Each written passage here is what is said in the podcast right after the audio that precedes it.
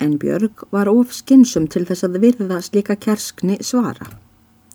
Hún reið nú sem leið lág og segir ekki að ferð hennar fyrir hún kemur að hálsi og var þá orðið full dimt. Hún ber þar að dyrum. Svo hagaði húsakinnum á hálsi að eldhúsið tók við innar af bæjardyrunum og vissu eldhústyrnar fram til bæjardyruna. Björg sér ljóspyrtu inn í eldhúsinu og þykist einning sjá að þar muni inni vera eitthvað af kvennþjóðinni á hálsi. Óðar en Björg hefur barið kemur fram úr eldhúsinu einn af vinnukonunum. Björg helsar henni og gjörir bóð eftir þorstinni en svo stúlka svarar að hann muni þegar gengin til rekju. Það var slæmt, því það er hérna lítilræði sem ég átti að afhenda þorsteinni frá húsmóður minni, svo að lítiða á bæri, segir Björg við stúlkunna rúmlega í halvum hljóðum. En það var nógu hátt talað til þess að heyrast inn í eldhúsið. Óðarinn Björg hafði sleft orðinu fyrir stúlkan að skiknast að hvað hún hefur meðferðis og í sömu andráni kemur halarófa af vinnukonum innan úr eldósinu, eigi færri en fjórari viðbót við þá sem fyrir var, sem koma einn á fætur annari fram úr eldósinu. Til að rannsaka það er Björg hefur meðferðis og heldur einn á ljósinu. Nú standa margar hendur í senn á smjörufjörðungnum. Hann er þuklaður, kannaður, kreistur og með öllu móti krafin til sagna. Nú ætli þið að geta smjörbyttan út úr höndunum á mér, sagði Björg til maklegrar refsingar fyrir forvitni stallsistra sinna. Í þessu byli hleypur einn þeirra inn en kemur aftur að vörmu spori og hvaðist eiga að taka við sendingu jórunar og leggja á sinn stað og afhendir það Björg henni smjörið.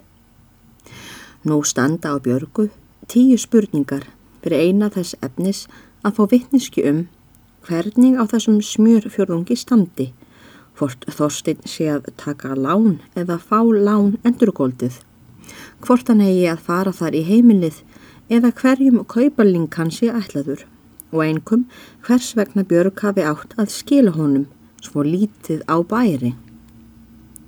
En Björg er löglega afsökuð frá að greina frá þessu eða svara nokkur spurningu því að hún veit ekkert. Það er ekki að spyrja mig að því. Ég held ég viti ekki mikið hvað því fer á milli. Húsmóðurinn bað mig þess arna. Meira veit ég ekki. Þetta var allt sem Björg gat svarað. Stúlkurnar buðu henni nú að koma sem snöggvast inn í búr og fá sér hressingu og standa ofurlítið við. Það væri svo sjaldan sem hún fengi að koma. Reyndar ætlaði nú Björg að þekkjast þetta vinsamlega bóð, en sá sem ekki leði það var óðinn. Hann let órólega og gerði sér líklegan til að hlaupa heim sína leið frá Björgu, ef hún ekki vildi verða samferða þá þegar. Og sá Björg ekki annan sinn kost en að hlýða óðni. Hún var þannig af góðgjörðunum í búrinu og patti stúlkurnar og skildi nokkuð snöglega við þær og var bæði óanægð sjálf að því að meiga ekki koma í búrið og þær sár óanægðar yfir því að vita ekki nánari deili á smjörfjörðungnum. Bansettur klárin að láta eins og hann sé vittlus, segir eini því Björg er að ríða af stað. Já, það má nú segja. Hún skildi hefa mátt út með það sem hún vissi ef hún hefði komið inn, sagði önnur. Og hún hefur sjálfsagt vitað meira en hún sagði. Það var ljótt að hún var að fara svona brátt aftur, sagði hinn þriðja. Ég skal svei mér komast fyrir þetta betur, sagði hinn fjörða. Ég get ekki glemt klárskrattanum, sagði hinn fymta. Björg rýður slíkt sem aftekur og kemur heim eftir háttatíma. Svo óheppilega tóks til með þessa sendiferð bjargar og spannst umræða nokkur út af sendiförunni og smjörfjörðugnum meðal undirfólksins af báðum bæjunum. Egi leið á laungu áður jórun komst og snóður um hvernig Björgu hafði reitt af og fekk hún það að vita bæði af manni sínum og öðrum.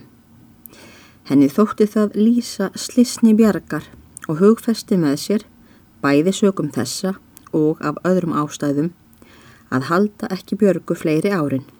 En það var í mæli að flestir húsbændur erði full sattir á henni eftir eitt og tvö vistar ár. Svo rimma sem þessi slisni bjargar hafði för með sér meðli húsmóðurinnar og vinnukonunnar leitið til þess að þær sóð algjört í sundur með sér. Að því er vistaráðin snerti til næsta árs. Þann dag var kvorug í góðu skapi. Björg háttaði ekki nóttina eftir. Hann sat á rúmi sínu og raulaði vísuna. Veröldin er vond og leið, öðru kvoru fyrir munni sér. Meðal annara gamanirða sem þessi sendi fyrir bjargar og smjörfjörðungurinn urðu valdandi Má telja það að hann var lengi vel eftir þetta ekki kallaður annað á fossi, það er að skilja meðal vinnufólksins, en Bergur Gísli eða Bergur Gíslason.